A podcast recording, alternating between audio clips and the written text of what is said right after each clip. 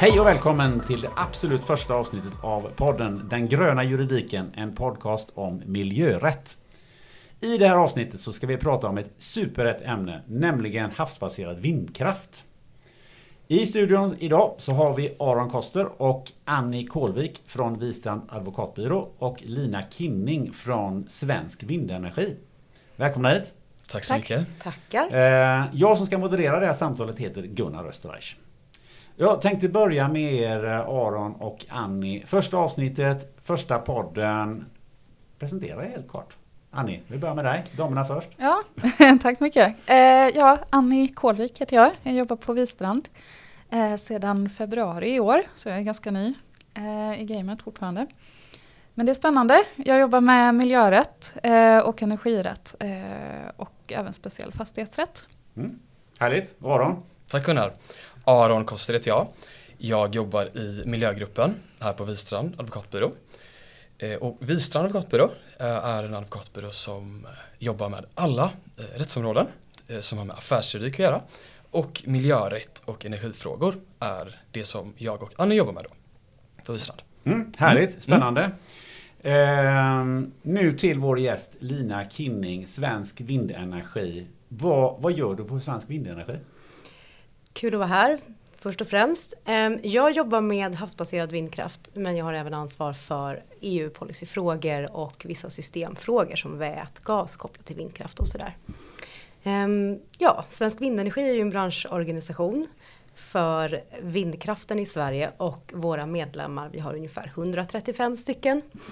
Eh, finns i hela kedjan av vindkraftsutbyggnaden så att säga. Både elanvändarna, de som bygger vindkraft och de som rådger de som ska få till en vindkraftspark. Mm. Är, är de medlemmar i er organisation? Eller Ja. hur funkar det? Precis, en, en klassisk branschorganisation. En klassisk branschorganisation.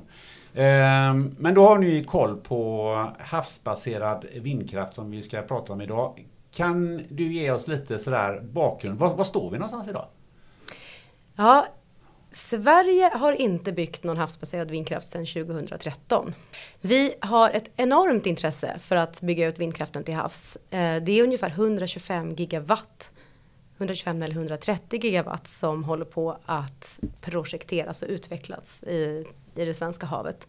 Och det är i hela, runt hela, längs hela kusten, västkusten, sydkusten och östkusten och upp i Bottniska viken till och med. Så långt norrut man inte eh, bygger havsbaserad vindkraft på andra ställen. Eh, Så det finns ett väldigt stort intresse i Sverige för att eh, utveckla den havsbaserade vindkraften.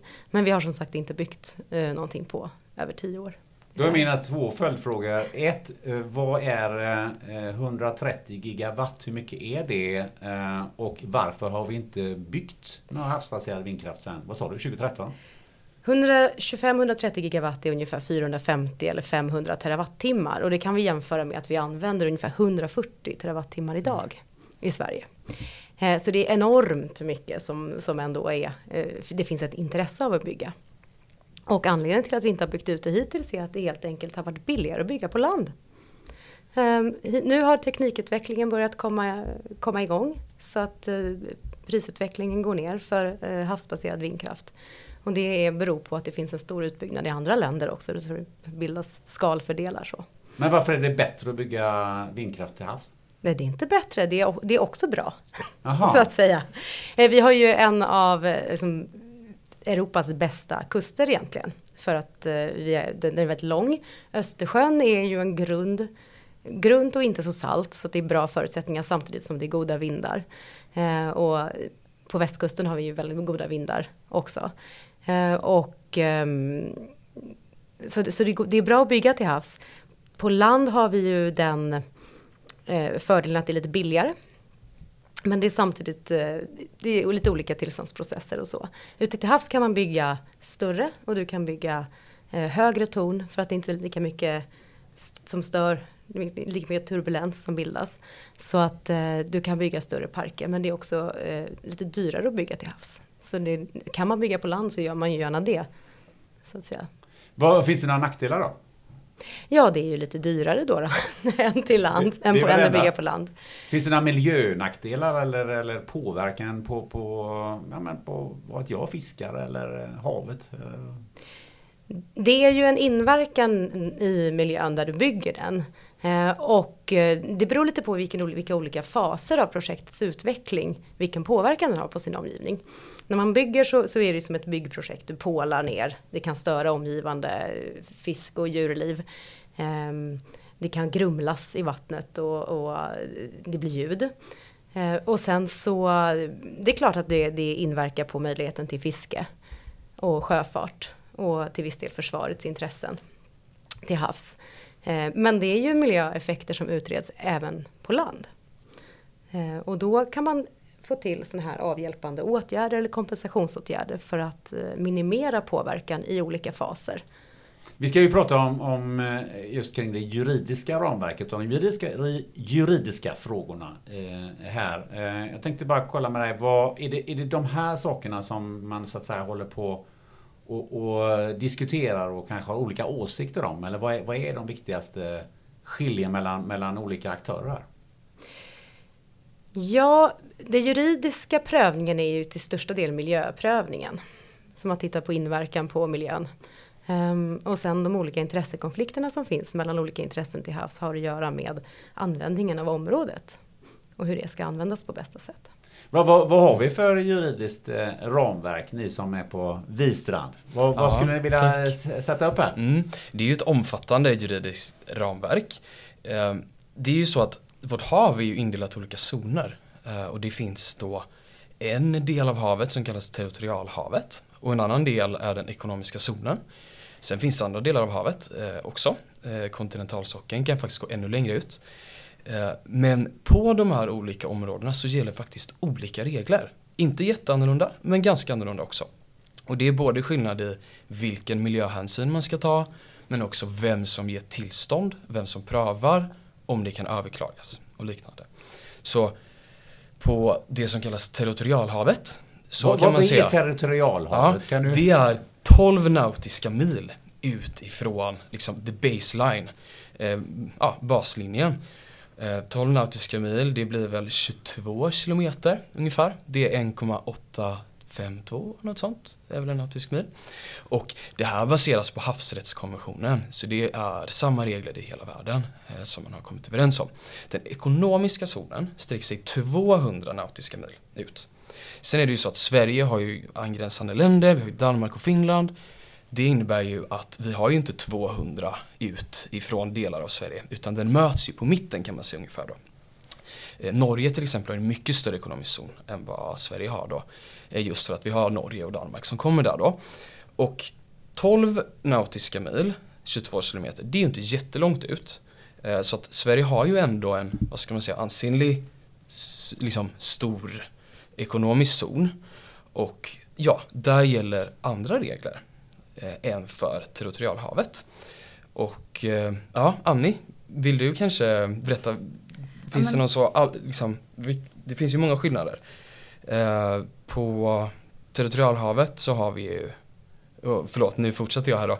Eh, men eh, man ska ju ha tillstånd, vilket precis är detsamma på land. Att man ska ha tillstånd för miljöfarlig verksamhet, för vattenverksamhet eh, och liknande. Men det är ju annorlunda i den ekonomiska zonen. Eller hur? Ja, det stämmer. Precis. Eh, det finns en särskild lag som heter lag om eh, eh, Sveriges ekonomiska zon. Eh, och eh, det krävs tillstånd enligt den lagen för att bygga en vindkraftpark inom den ekonomiska zonen. Och det ansöker man om hos regeringen. Och det är ju också en speciell grej om man jämför med inom territorialhavet där man ja, söker eh, tillstånd enligt eh, miljöbalkens regler. där blir ju det en tillståndsprövning i Mark och miljödomstolen. Precis. och där blir det också en skillnad när man väl får beslutet sen och det kanske finns någon som vill överklaga. Vad händer då?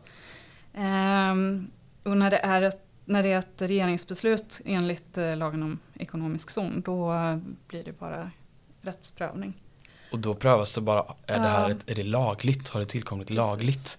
Medans har det prövats i mark och miljödomstolarna. Då kan det överklagas på alla grunder och allt kan prövas om i högre instans. Mm, det blir en um, sakprövning. Precis, så då, då har vi ju lagen om den ekonomiska zonen där som, som gäller där ute. Mm. Eh, utöver det så är- det ju faktiskt också så att eh, man ska få tillstånd för att dra ut ledningar och kablar. Eh, det är också en prövning. Det är också en mi- miljöprövning där det kommer in omfattande miljöreglering. Eh, vidare så är det så att vindkraft kan ju komma att påverka olika arter och det finns då något som heter Natura 2000-områden.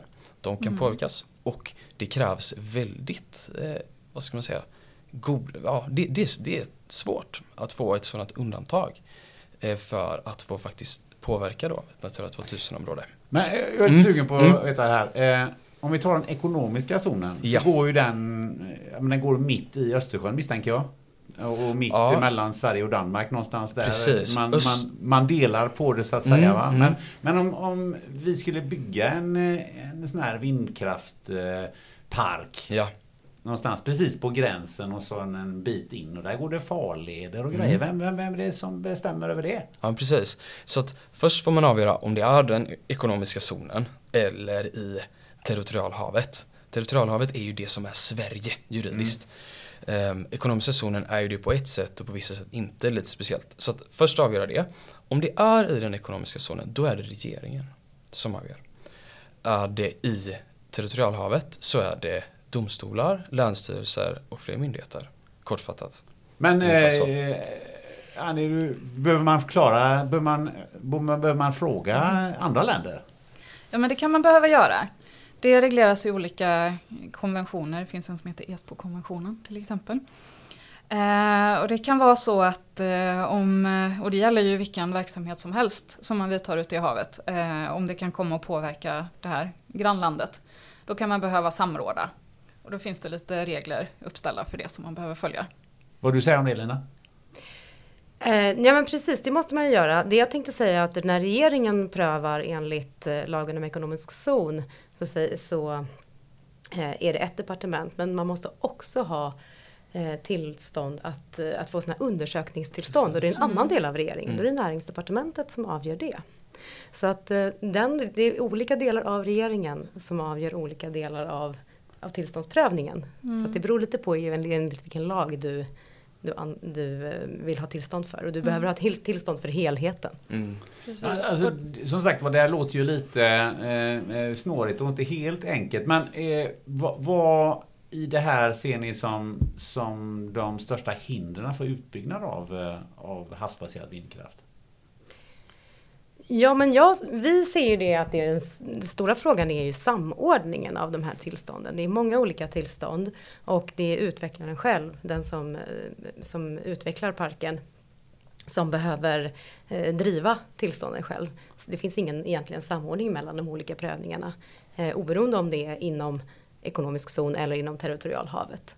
Ehm, och, och det gör att, det, eh, att samma material kan behöva skickas in till upp till sex olika instanser.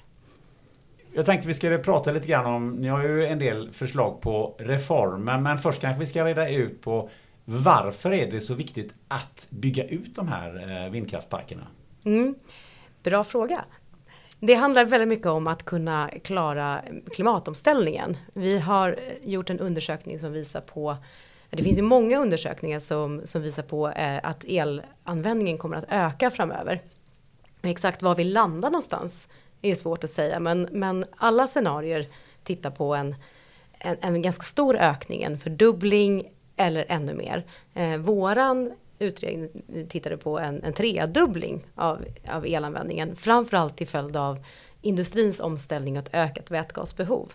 Eh, och eh, för att klara de svenska klimatmålen behöver vi helt enkelt bygga ut energiproduktionen och elproduktionen i Sverige. Och eh, då är havsbaserad vindkraft en, en del av den lösningen. Jag har förstått att det är ett, en tredubbling eller någonting sånt där. Där vi behöver. Ja, vi har, vi har stuckit ut hakan lite grann och tittat på en tredubbling. Ehm, och, och det har framförallt att göra med ett ökat vätgasbehov i industrin. LKAB bara uppe i, i, mm, i Norrland som, som ska göra, elektrifiera, elektrifiera sin process för fossilfritt stål eh, har aviserat eh, ett, eh, el för 55 terawattimmar. jämfört då med de 140 som vi använder idag, bara till sin process. Eh, och efter dem kommer det fler. H2 Green Steel behöver jättemycket el. Northvolt behöver jättemycket el i flera delar av landet. Eh, bara häromdagen så aviserades det eh, fossilfri konstgödseltillverkning och vi har Power to X, alltså elektrobränslen till sjöfarten när den ska ställa om. Och allt det här kräver väldigt mycket el. Och då behöver den elen komma någonstans ifrån. Ja. Nu flyger det lite mycket terawattimmar här i, i, i, luften. Jag tänker bara så här, hur många terawattimmar får man ut över ett kärnkraftverk? Bara så att vi har en jämförelse så vi förstår. Eh, det beror lite på hur många reaktorer man har i det här kärnkraftverket. Ja men ta Ringhals då. Jag kan ta Forsmark som jag ja, känner Forsmark. till. som, som, man kan, som är i full drift liksom. Och som man nu har aviserat att man ska utöka effekten på. Eh, kan ge 20 terawattimmar. Skulle vi kunna och, ersätta all eh, energiproduktion i Sverige med bara vindkraft?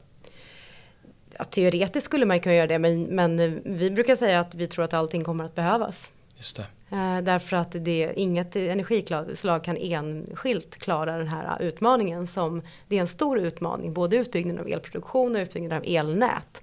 För att det här ska kunna gå i takt. Då vill jag fråga, du sa i teorin. I teorin, hur mycket vindkraft till havs skulle man kunna bygga då, i terawattimmar? Va, va... Ja, den teoretiska potentialen mm. eh, som bygger på vad det finns goda vindlägen i Sverige mm. är ungefär 700 terawattimmar. 700. Men det mm. behövs mm. ju, det, den ekonomiska potentialen har vi landat i är lite lägre än så. Ganska mycket lägre än så. Jag, jag, tror att vi kommer till det, men regeringen har ju genom havsplanerna eh, tillsammans med myndigheter pekat ut eh, områden och liknande som kan vara lämpliga. Hur mycket har man pekat ut i havsplanerna? Vad är pot potentialen där? Eh, havsplanerna som är vägledande för mm. användningen av havsområden har man, eh, den plan man beslutade i februari i år mm. pekar ut 20 till 30 terawattimmar ungefär. Mm. Eh, och då har man begränsat sig till ett djup, på ett djup på ungefär 30-40 meter. Och numera har teknikutvecklingen gjort att vi kan bygga havsbaserad vindkraft både fasta fundament djupare och flytande fundament ut. Det finns egentligen ingen djupbegränsning där. Man kan bygga dem ner till 400-500 meter om det skulle vara så. Vilket gör att flera områden öppnas upp. Eh, regeringen gav myndigheterna ett nytt uppdrag att möjliggöra 90 ytterligare terawattimmar i, för havsbaserad vindkraft eh, i havsplanerna. Så att det kan man väl säga att regeringen har ett mål på 120 mm. terawattimmar. Mm. Eh, så har man inte sagt, sagt till när. Men eh, det är åtminstone eh, någon form av indikation på hur mycket man ser eh, hur mycket regeringen ser nu att det finns potential för.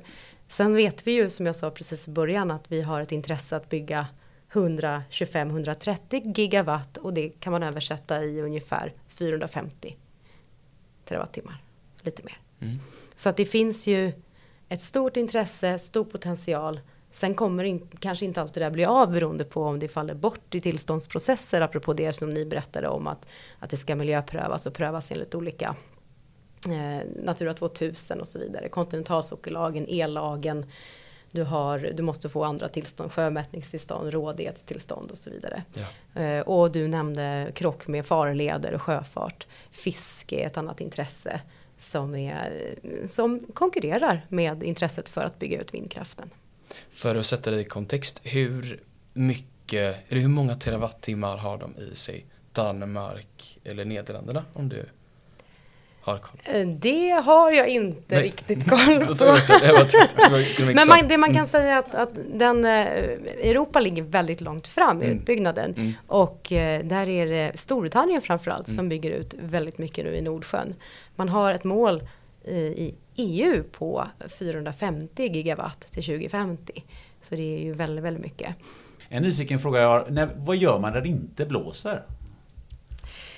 Eh, det är en jättevanlig fråga eh, och om eh, man, om man tittar på en väderkarta eller en sån här gradientkarta så ser man att det blåser lite grann nästan alltid och det blåser ofta någon, det blåser ofta på olika ställen i landet. Så att det, bygger man ut energiproduktionen decentraliserat så blåser det alltid någonstans.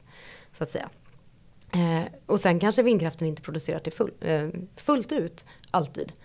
Eh, men, men det blåser alltid lite grann och ju större turbiner du har desto mer av vindens eh, energi kan du utnyttja. Bra, och då behöver vi reformer. Och vad är det ni har eh, föreslagit då?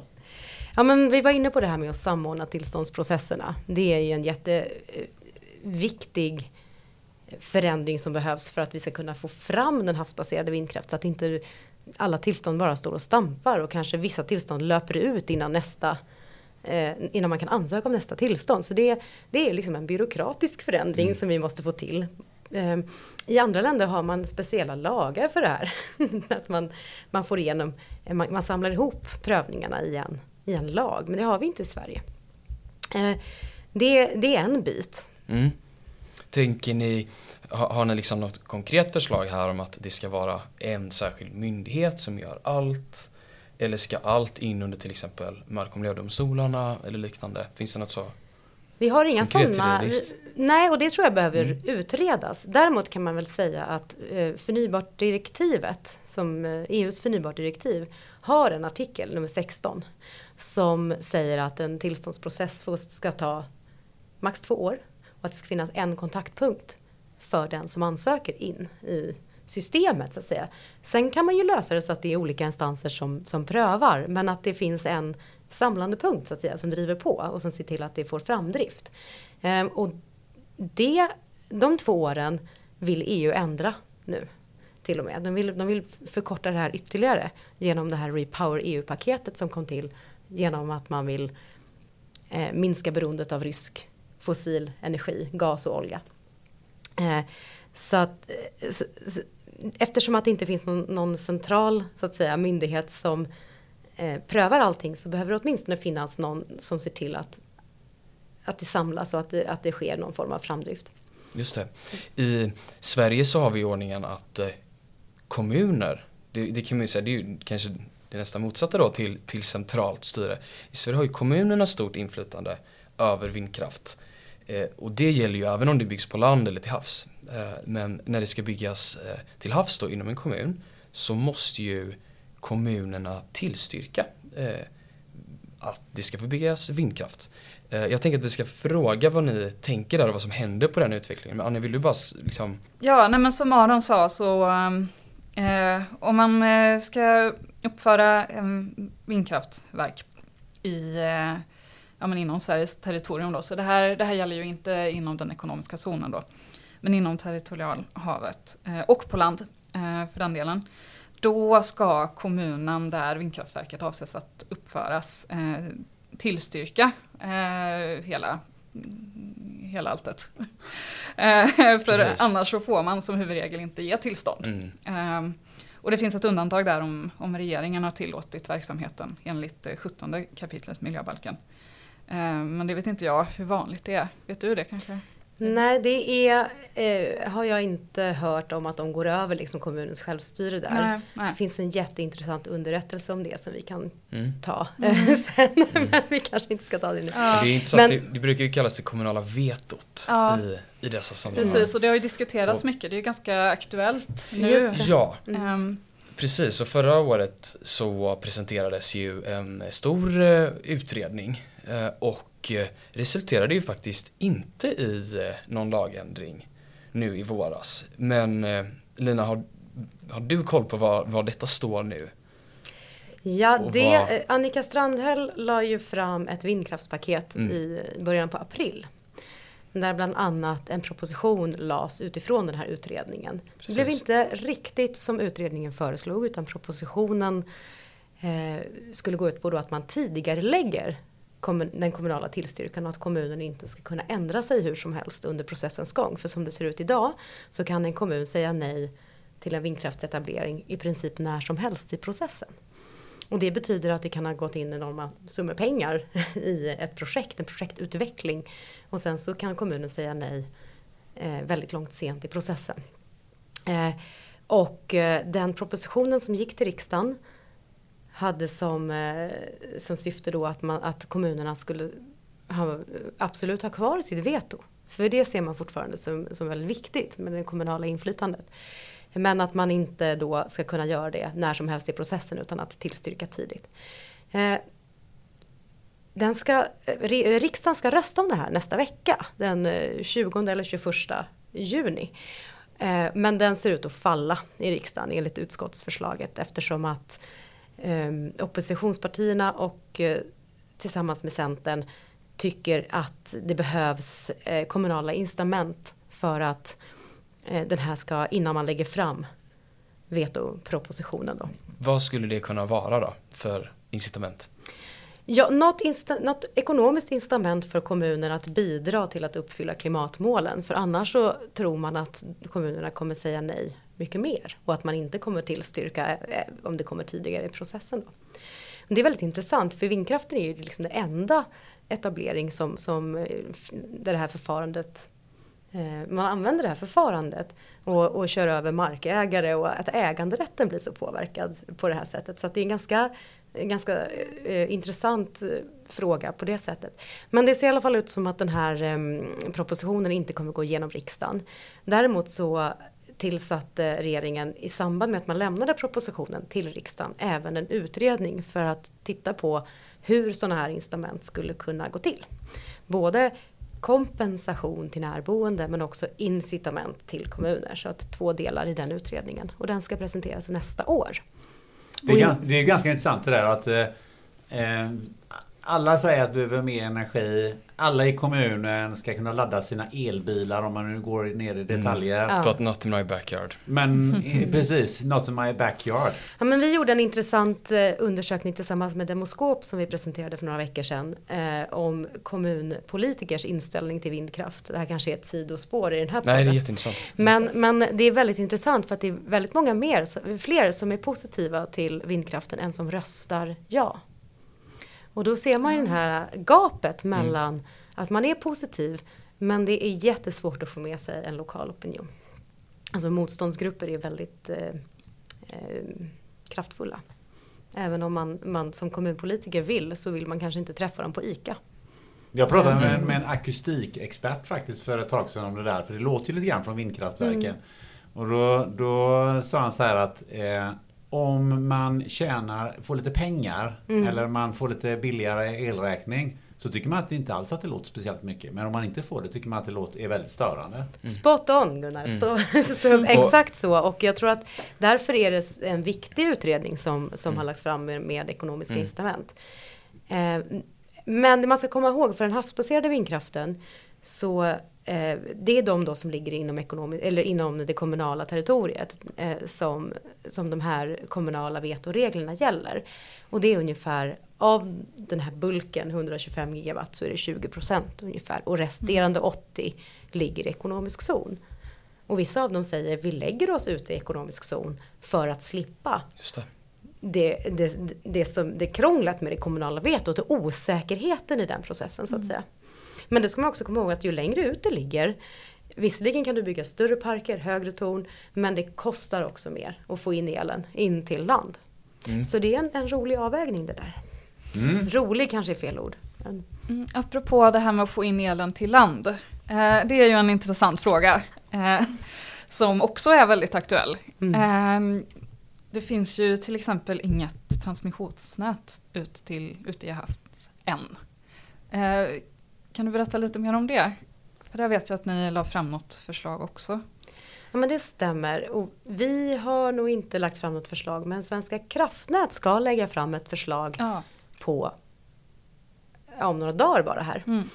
Eh, de fick i uppdrag från regeringen förra året att ut, eh, de fick en instruktionsändring i sin förordning eh, att, eh, att även bygga ut då det svenska stamnätet, transmissionsnätet, i, ut i svenskt territorium.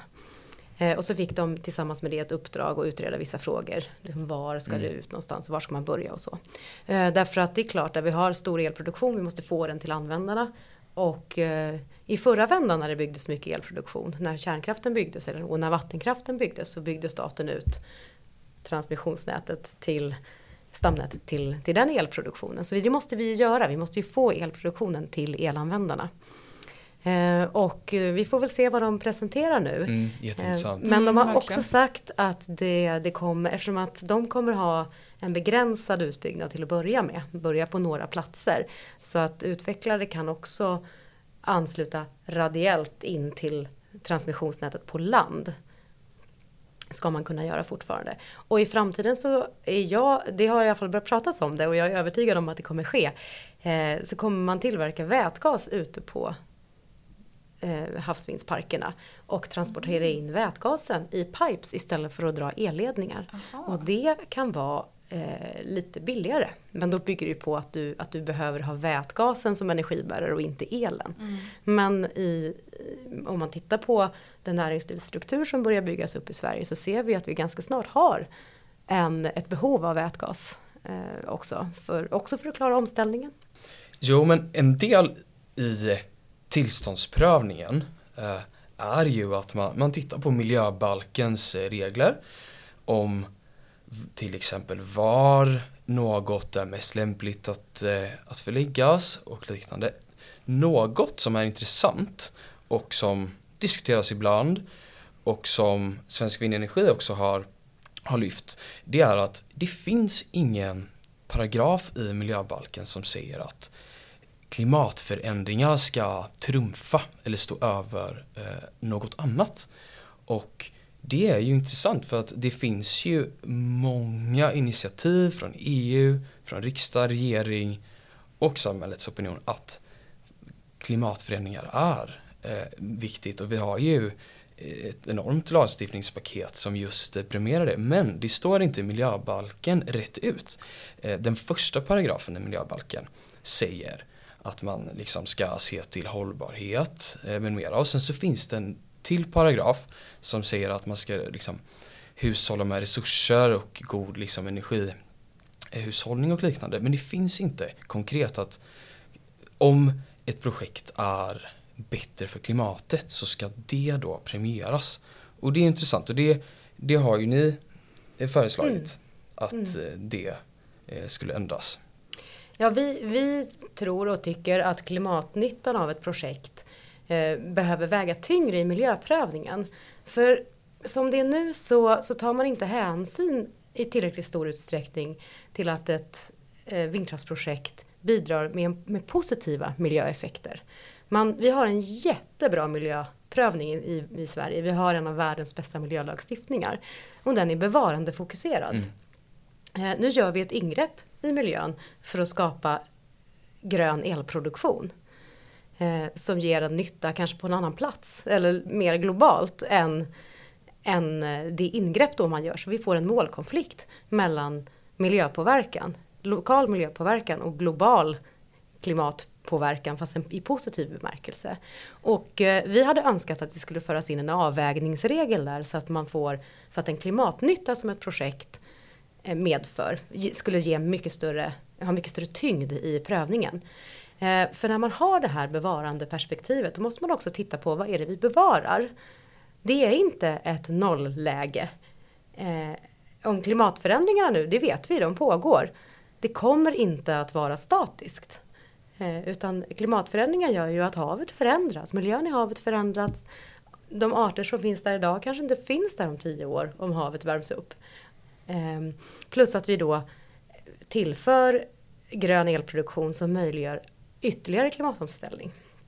Ehm, så att det, i och med att man, man har den här diskrepansen mellan klimatnytta kontra inverkan i, i miljön och inte att klimatnyttan i den vågskålen väger så lätt när man samtidigt som du var inne på Aron har väldigt ambitiösa klimatmål gör att vi försvårar att få till elproduktion. Och vi kan ju också jobba med, med kompensationsåtgärder i miljöprövningen mycket, mycket mer. Man kan jobba med att eh, blir det grumling så kan man ha åtgärder för det när man, eh, när man eh, pålar ner fundament. Man kan jobba med bubbelgardiner för att eh, minska eh, buller till exempel. Du kan stänga av vindkraftverken när det är flyttfågelsträck eh, höst och vår. Eh, på sådana sätt kan vi jobba kanske mer dynamiskt med miljöprövning för att också möjliggöra den klimatnytta som vindkraftsetableringen ger. Tack. Eh, någonting som faktiskt verkligen vägs in är ju eh, Försvarsmaktens intressen i, i tillståndsprocessen. Och eh, det har man ju sett att det har ju faktiskt varit flera projekt eh, som har försökt eh, bli till då tidigare som inte har kunnat komma till just eh, på grund av detta. Men vad, det är klart, försvar är en viktig del och kanske fler tänker på det idag och det har blivit en, en större sak med vad som händer i, eh, i världen just nu.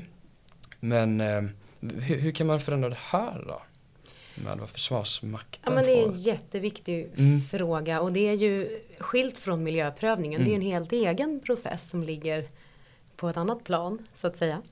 Eh, och det är klart att vi alla vill ha, vi vill att Försvarsmakten ska kunna för, se till att vi har ett, ett bra totalförsvar i Sverige och, och, särskilt nu med det geopolitiska läget vi har. Eh, och Försvarsmakten är en del av samhället som också har ett ansvar för, om, för att vi ska ställa om. Eh, och där ser vi att man jobbar på ett helt annat sätt i andra länder. Där man har en bättre dialog mellan de som utför projekten eh, och Försvarsmakten. Och där man kan göra sådana här kompensatoriska åtgärder med att eh, flytta radar, flytta torn för signalspaning. Man har eh, vissa tekniska eh, lösningar man kan, man kan göra för att fortsätta upprätthålla den funktionen som försvaret är ute efter. Eller att man kan anpassa parkens utformning.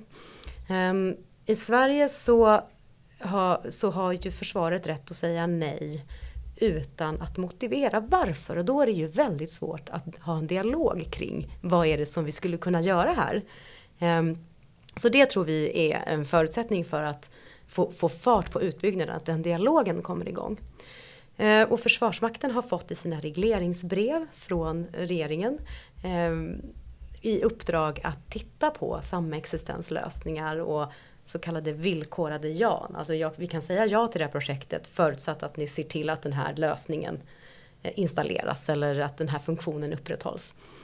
Um, och det går ganska trögt, tyvärr, med, med de frågorna. Um, och samtidigt måste vi också komma ihåg att Försvarsmakten ska ju också ställa om. Deras fordon ska också gå på, på någonting annat än fossila bränslen. Och deras egen myndighet, FOI, har kommit fram till att man har att, att um, en decentraliserad elproduktion, alltså där vi inte har några få stora elproduktionsanläggningar, ger ju en ökad resilient, en motståndskraft. Du kan inte bara slå ut ett jättestort en jättestor elproduktionsanläggning. Eller, och du minskar liksom sårbarheten genom att ha, att ha elproduktionen utspridd. Då kan, eh, visst, då kan du slå ut en del men inte hela Sverige.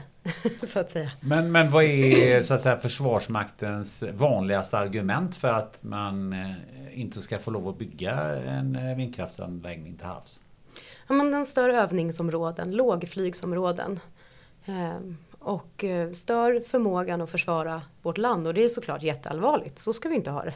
Att vi ska bygga saker som stör, stör förmågan att försvara landet. Men det är intressant att andra länder i Europa har hittat lösningar på det här. Ja men det är lite sådär, man bygger någonting, alltså men öar har alltid funnits. Eh, och, och de kan man inte säga att de stör försvarsförmågan utan man kanske använder dem för att försvara sig. Det, det, är nog lite det som vi är ute efter, att vi vill att man ska öka den dialogen till hur ska vi kunna göra detta tillsammans? Hur ska vi hitta samexistenslösningar? Även ur ett försvarsperspektiv, ni kanske, man kanske kan använda parkerna till och med. Eh, för olika, eh, det, om man tänker att det är svårt för försvaret att flyga runt i vindkraftsparker. Det är väl svårt för motståndaren också att flyga runt i de här parkerna. Ja, så eh, ja. tänker jag också faktiskt. Mm. Och man ska ju komma ihåg att de länder som bygger ut nu i Europa är till exempel NATO-länder. Så att, att, att vi, det här med att vi ska gå med i NATO är egentligen inget argument för att det skulle gå, gå sämre att bygga ut den havsbaserade vindkraften. Så här tror jag att, att dialogen behöver öka och viljan till dialog måste till. Ehm, för det är, Försvarsmakten är ju med såklart i havsplanearbetet. Men jag tror att det behöver komma till en dialog även på projektnivå. Du nämnde havsplanerna. Finns det utpekat i havsplanerna vilka områden som är av intresse för Försvarsmakten? Precis. Det, gör det. det. Ja, det kan man tycka är lite intressant. Havsplanerna att, är ju, mm. eh, det är inte bara energiproduktion utan det är fisk, eh, intresse för yrkesfiske, sjöfart, all, alla olika användningar av havsområdena har, eh, vissa av de intressena har då utpekade eh, bok, små bokstäver Mm. i havsplanerna. Små bokstäver. Ja. Det Områden som är eh, utpekade för olika intressen kan man säga. Och eh, är, är någonting utpekat för en generell användning så, så eh, är det fortfarande väldigt svårt att, att få igenom en, eh, en tillstyrkan till, eh, till energiproduktion. Är det det som i juridiska sammanhang kallas till finstilta? De små bokstäverna De små, ja. på områdena. Ja, men det är spännande. Det finns, det är, även om ett område är utpekat med ett E, energiproduktion, så kan det finnas en liten bokstav som säger något annat också. Så att det är ett E och sen ett litet yrkesfiske eller ett litet försvar. Så då är det fortfarande ju en intressekonflikt inom det området. Så att man ska nog fundera lite över hur de här havsplanerna kommer att användas. De är vägledande. Men eh, det är inte så att man inte måste söka om tillstånd eller att det inte finns intressekonflikter där. Du nämnde tidigare att eh, det har getts i uppdrag från regeringen att man ska peka ut eller i alla fall revidera havsplanerna på det sättet, eller utreda då, på det sättet så att man ska kunna bygga mer havsbaserad vindkraft. Är det så att det är för få områden som är utpekade som E? Är det det som är, vad kan man säga, problemet? Eller? Ja, det hindret? skulle jag nog säga. Det är ett av problemen. Ehm, De områden som är utpekade idag för energiproduktion ligger på väldigt grunda vatten. Mm. Och nu kan man bygga eh, djupare på bättre vindlägen. Ehm, så det är ett av problemen. Ja. Och nu i uppdraget så står det att myndigheterna ska möjliggöra för 90 terawatt ytterligare. 90 terawattimmar. Så att det är ganska, eh, ganska stort. Och Då kan man fundera, vad betyder möjliggöra? Mm, precis. så att, Mm. så det, det har vi ganska mycket dialog tillsammans med Energimyndigheten och Havs och vattenmyndigheten just nu. För att titta på vad betyder de här områdena. Men det kommer vara, tror jag, jätteviktigt framöver i, i prövningarna. Vad, vilken tyngd har de här havsplanerna och hur kommer de användas? Ja, precis. Alltså man har ju en, en motsvarighet på land, det är ju översiktsplaner. Och eh, de har man ju konstaterat i praxis att de ska ju beaktas, de ska väga tungt men de är ju inte bindande. Mm. Eh, faktiskt. Och havsplanerna kommer nog aldrig vara bindande. Nej. Men att vara vägledande, det är ju viktigt då att, att man funderar över vad, vad är att möjliggöra. Mm, precis. Men på land, du har en stor skillnad där i att på land har du ju alltid en markägare. Du har ju ingen som på samma sätt äger havsområdet av staten då. Men, Mm. men in, det så där har vi också en, ett uppdrag på gång att utreda hur, vem ska få exklusivitet för, de olika, för olika användningar till havs. För det är inte givet som det ser ut idag i rådande rättsläge. Nej. Men för det, kan det vara så som eh, till exempel om man skulle hitta olja på samma områden? Att man har någon sorts eh, rättigheter som eh, olika företag får eller funkar det? Som det är nu så finns det faktiskt på flera ställen i, i havet där vi har överlappande ansökningar. Att det är flera företag som vill bygga vindkraft på samma plats. Vad gör man då? Då får den bygga som först får tillstånd som det ser ut nu. Så man kan, men då belastar vi också systemet med väldigt många till, kanske onödiga tillståndsansökningar om det bara är en av dem som i slutändan får bygga. Så därför pågår det ett uppdrag för att reda ut hur det här ska skötas framöver. Men man får då rättighet till ett område och så bygga ett visst antal vindkraftverk. Är det så det funkar? Eller? Mm. Ja, då, när, om du får tillstånd. Mm. Men det är ganska långt sent i en process. Och det är annat som kan få, som kan ansöka då på samma plats samtidigt. Det är lite speciellt, för det så funkar det ju inte på land. Det har ju nyligen getts Eh, tillåtlighet från regeringen för ett eh, havsbaserat vindkraftsprojekt. Vad är detta? Vill du berätta lite Lina? Ja men precis, det är Vattenfalls projekt eh, Krigers Flack som ligger utanför, utanför Skånes sydkust. Och det har varit på gång, det är ett ändringsbeslut utifrån, de hade ett tillstånd som de inte byggde på för att de inte fick lönsamhet i tekniken. Och nu har teknikutvecklingen gjort att man, har ett hö- eller man kan bygga färre men högre verk. Större turbiner. Eh, och man har en tidplan att, att få igång det här till 2028. Och anledningen till att det tar så pass lång tid nu från, vi är i 2022 nu, 2028 säger de att det ska byggas. Det är att när man har fått tillstånd så kan man inte börja bygga direkt. Så då måste man slutprojektera parken. Man måste se till att man får anslutning, det som du var inne på Annie, få in elen till, till land. Eh, och du måste eh, beställa. Men först och främst måste du få ett investeringsbeslut också. Så det är några år framöver och det man kan säga är att det, tar, det är inte byggtiden som är lång för de havsbaserade vindkraftsparkerna utan det är just tillståndstiderna egentligen. Det har tagit jättelång tid att få det här tillståndet på plats. Eh, och sen så tar det några säsonger att beställa och proja, proja klart och sen kan du börja bygga. Och så tar det väl ett, två, tre byggsäsonger att bygga. Eh, så det är jättespännande. Att det, vi hoppas ju att det banar väg för, för fler eh, parker. Att regeringen ger tillstånd till fler parker. Du säger att tillståndsprocessen har varit lång. Va, va, hur lång har den varit? Just Krigers frack kanske man inte ska ta som ett, som ett gott exempel direkt. För det har varit en tillståndsprocess på nästan 20 år. Eh, och där, men där kan man ju tillägga att det har varit lite ändringar och sådär i, i de tillstånden. Eh, men, men det kan ta väldigt, väldigt lång tid. Eh, för att det just är så pass många olika, eh, vi var inne på det, många olika instanser och många olika lagstiftningar du måste söka på. Ehm, ett exempel på det är att man börjar med ett undersökningstillstånd att börja få bygga i parken. Sen så söker du miljötillstånd och, få, och försvarets tillstyrkan och allt det här. Sen måste du tillbaka och få ett, ett tillstånd att lägga ner kablarna enligt samma lag på, i en annan del av regeringen. Eh, så att du, måste, du liksom måste fram och tillbaka här och eh, det kan ta väldigt lång tid eh, mm. att, att få, få igenom de här tillstånden. Ja, och en praktisk grej som jag kommer att tänka på också både vad gäller undersökningstillstånden och när man faktiskt ska bygga alltihop, det är ju att för, för miljöhänsynens skull så kan man ju kanske inte vidta alla arbeten på ett svep, liksom, utan man måste ta hänsyn till vilken årstid det är. Liksom, mm. Om fisken leker, om, ja, men om sälarna och valarna kanske har... Ja, man måste ta olika hänsyn. Och, och, det, är, och det är ju absolut nödvändigt såklart. Eh, och det påverkar ju också hur lång tid det tar att faktiskt få gjort det man vill.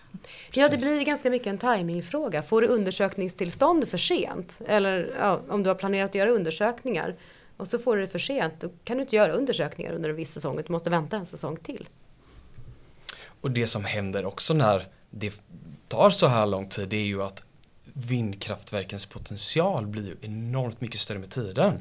Och då har man plötsligt fått ett tillstånd ett visst år och sen så har tekniken blivit så enormt mycket bättre på bara de här åren så att man vill ju inte bygga utifrån det första tillståndet man fick då. Och det har ju gjort att många processer har också förlängts för att de som bygger vill få till stånd högre vindkraftverk med större eh, turbiner då. Och det har ju gjort att det kan dra ut på tiden då, eh, vissa skäl också. Mm. Eh, hur höga är de i detta fall då? För de är ju ofta enorma, vissa av de här ute till havs. Ja, vet du det? Hur stora de här är? Man kan ju tänka, ni vet i Malmö finns det ju en väldigt hög byggnad som heter mm. Turning Torso. Dubbelt så höga som den, ungefär. Och de turbiner som installeras nu i EU, de är uppåt 15 gigawatt. Och de största på land som, in, som eh, installeras nu är ungefär 6, 6,5. Så det här är liksom dubbelt så stort som på land, de allra största på land. Och vi ser ju inte taket här ännu. Det, nu kan man börja beställa 18 gigawatts turbiner. De är enorma.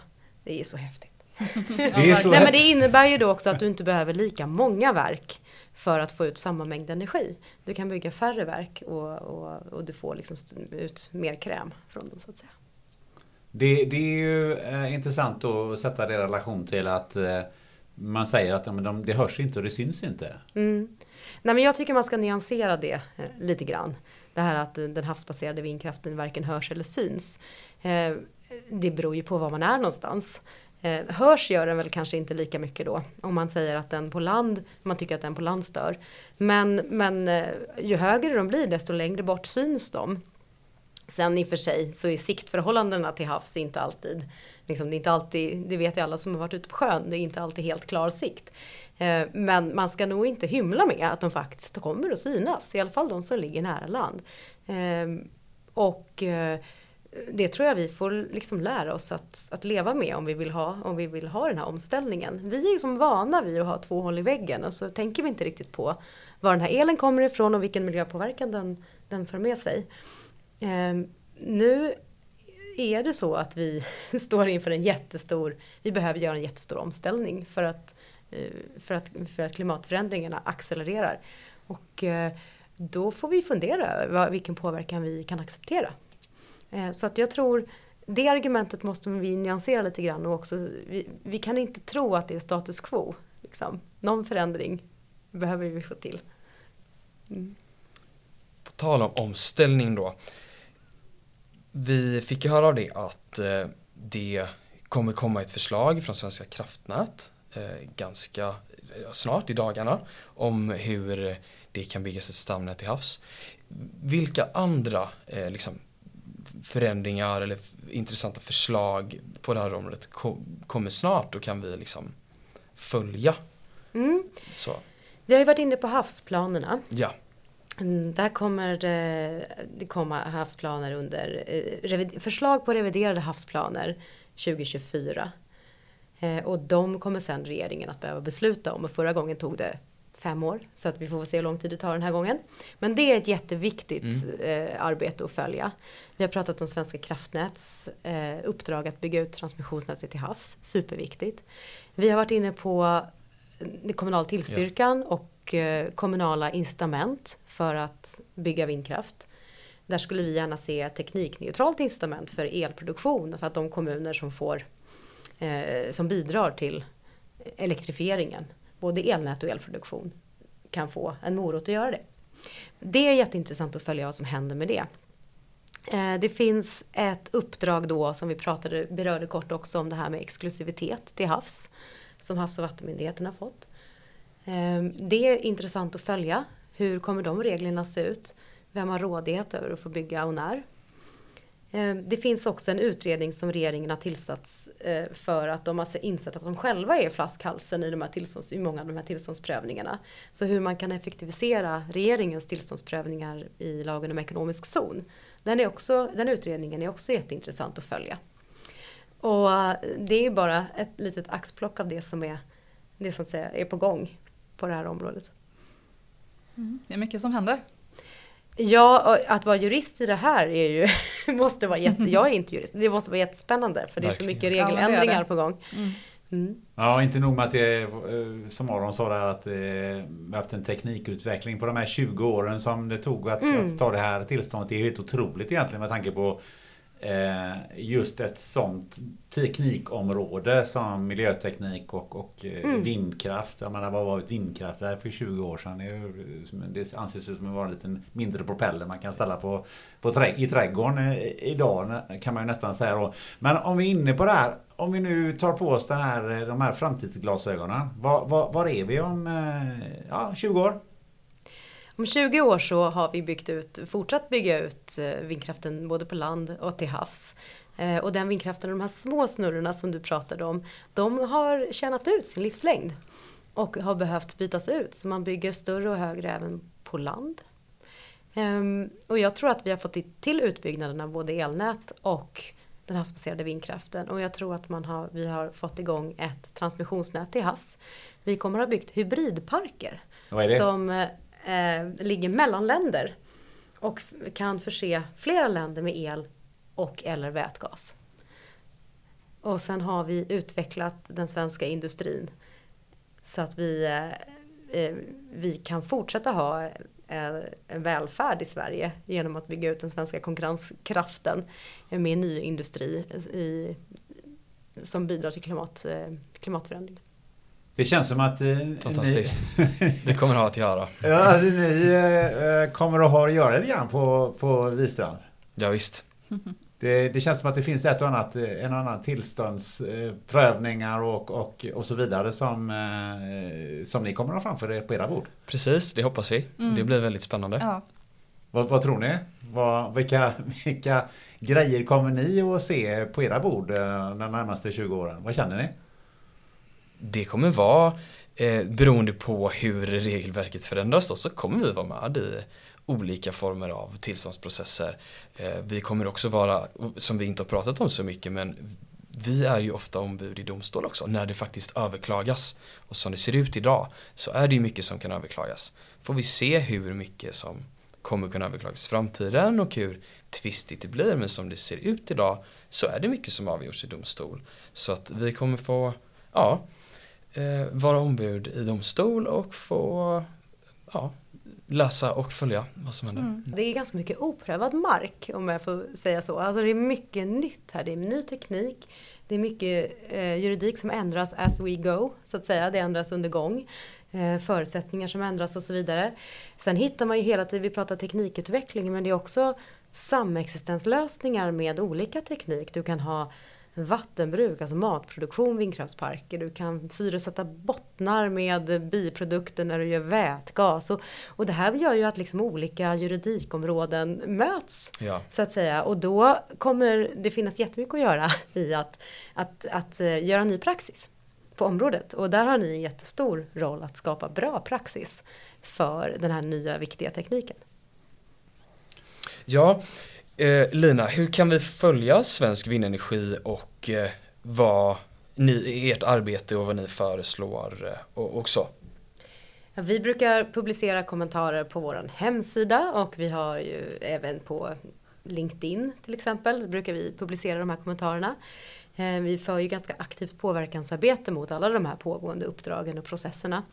Eh, man kan göra som Vistrand gör, gå med, vara medlem i Svensk Vindenergi och sitta med i våra, våra råd där, ehm, där vi diskuterar havsbaserad vindkraft, tillståndsfrågor, hållbarhetsfrågor och så vidare med, med alla andra medlemmar.